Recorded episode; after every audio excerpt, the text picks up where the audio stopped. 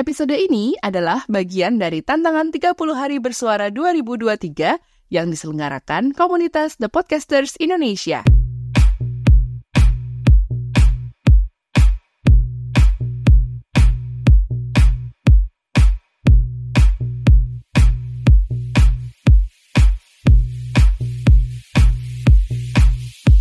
Hey ibu-ibu, Assalamualaikum warahmatullahi wabarakatuh. Welcome to the podcast you've been waiting for. Semoga episode kali ini bisa menemani ibu-ibu menjalani hari dan memberi pengalaman dengar yang berbeda ya, sekaligus memberi insight atau inspirasi buat ibu. Karena pengalaman itu adalah hal yang kita cari dalam hidup juga kan? Kadang pengalaman yang kita dapatkan itu by design, alias memang kita prepare sebelumnya. Tapi sering juga pengalaman yang kita dapatkan itu sifatnya sangat natural dan juga organik, alias bukan gimmick semata ya. Dan tentu saja, pengalaman itu akan memberi kita feel yang beda buat kita. Aftertaste-nya pun juga pasti akan beda-beda. Nah, Bu, gimana nih pengalamannya menjadi ibu? What do you feel? Setelah sekian tahun menjadi ibu, apa yang ibu rasakan? Dan kira-kira, apakah setiap ibu itu juga punya pengalaman yang sama? Apakah bu ibu itu masih butuh pengalaman baru? Let's talk about it on Podcast Bu Ibu bareng aku, Ibu Inung. Podcast Bu Ibu. Podcast Bu Ibu by Ibu Inung. Podcast Bu Ibu by Ibu Inung.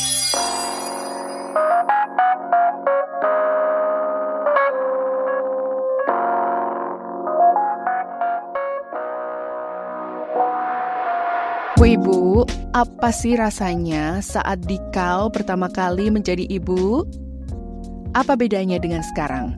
Setelah anakmu bertambah jadi dua, tiga, empat, lima, tentunya semakin bertambah jumlah anaknya, semakin bertambah pengalamannya ya.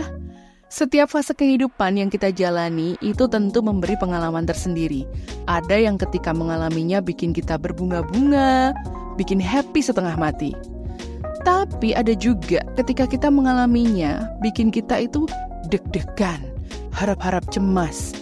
Bahkan ada yang bikin kita terharu, atau justru malah jadi sedih banget. Dan ada juga pengalaman yang bikin kita jengkel, bikin kita marah, ngamuk sejadi-jadinya. Tapi satu hal yang pasti, pengalaman itu adalah guru yang terbaik.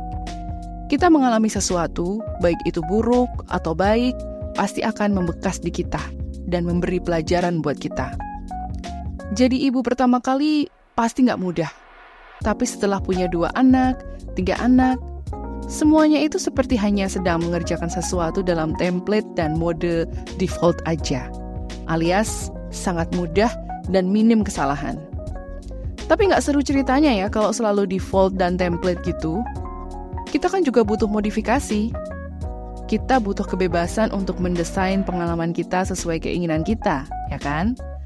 Kita butuh sebuah excitement untuk memberi kita itu tambahan pengalaman yang nantinya bisa jadi cerita dan juga lesson learn buat kita dan anak cucu kita.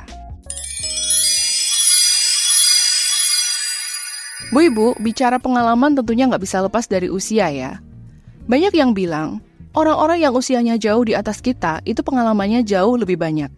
Sedangkan mereka yang usianya jauh di bawah kita, pengalamannya itu nggak sebanyak kita. Tapi kalau menurutku sendiri, nggak selalu segaris seperti itu. Yang usianya lebih tua di atas kita, belum tentu loh pengalamannya lebih banyak dari kita.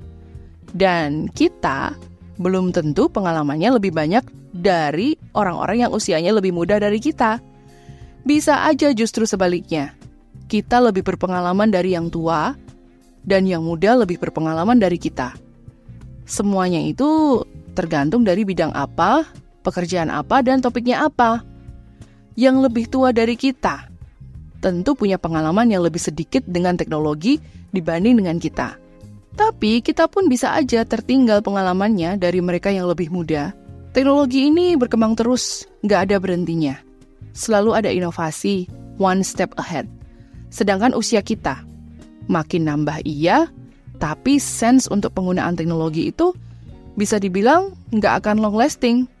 Apalagi jika teknologi malah dinilai menyusahkan dan terlalu ribet, nggak natural dan malah membuat persoalan hidup. Contohnya, gadget. Gadget seperti HP, laptop, dan banyak lagi. Semakin ke sini, kan semakin canggih ya teknologinya.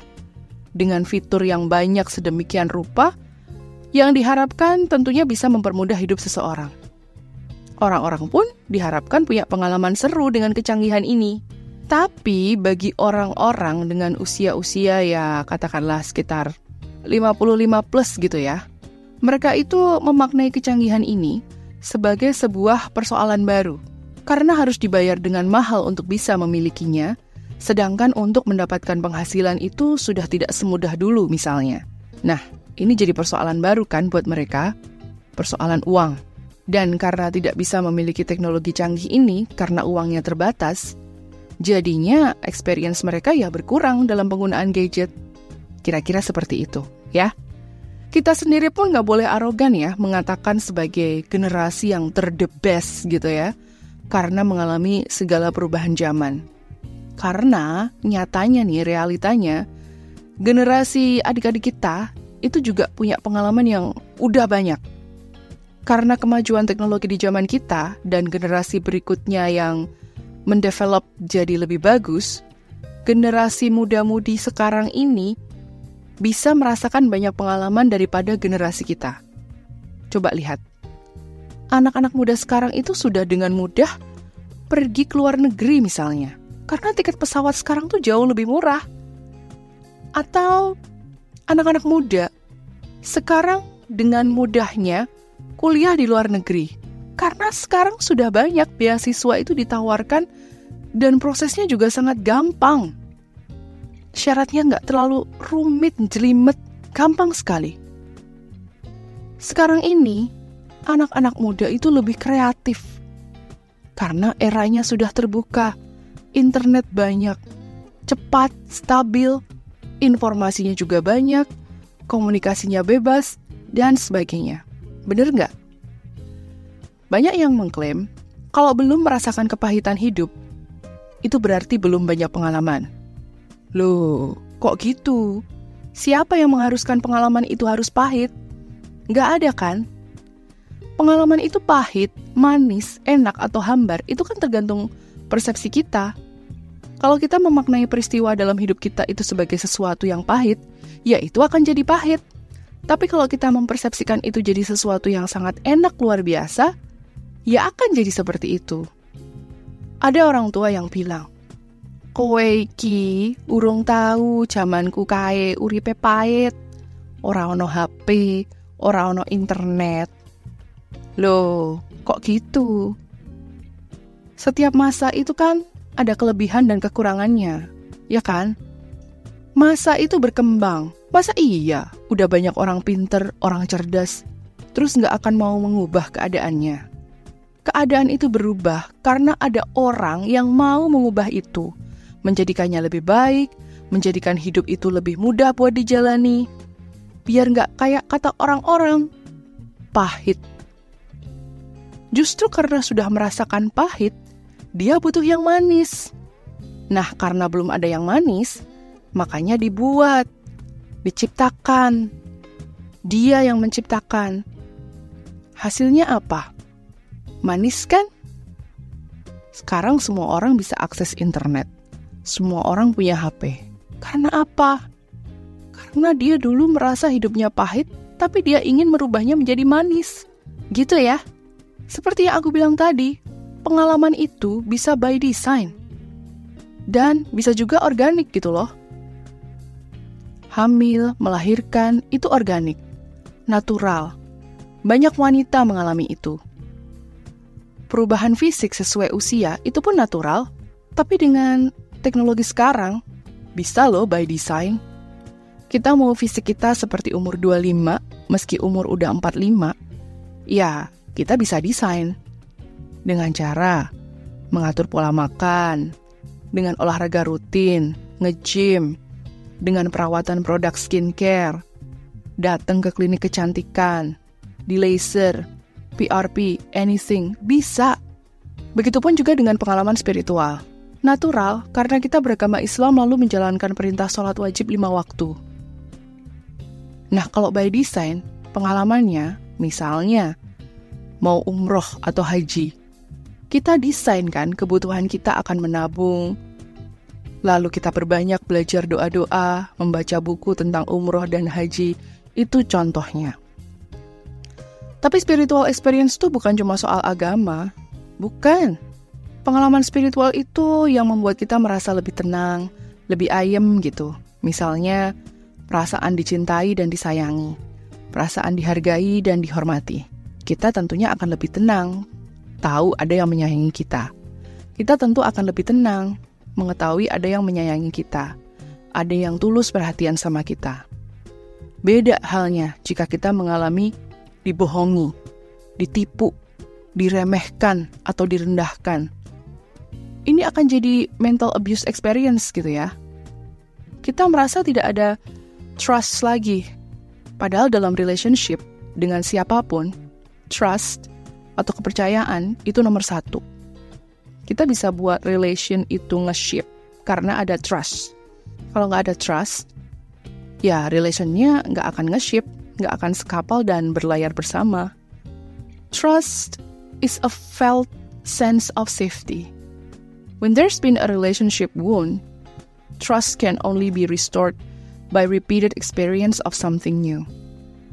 For example, if someone lies to you repeatedly, in order for your nervous system to trust and feel safe with the person again, which in this case would be telling the truth consistently over time. And it takes time because the brain needs to be rewired in order to trust again. Trust is not a conscious decision, it's a felt experience. You cannot force another person to trust you either. You earn their trust by behaving in ways that create new experience and those new experience have to take place over time. Jadi gitu ya kira-kira ya. Selamat membuat pengalaman baru yang menyenangkan selama liburan kali ini ya Bu ya.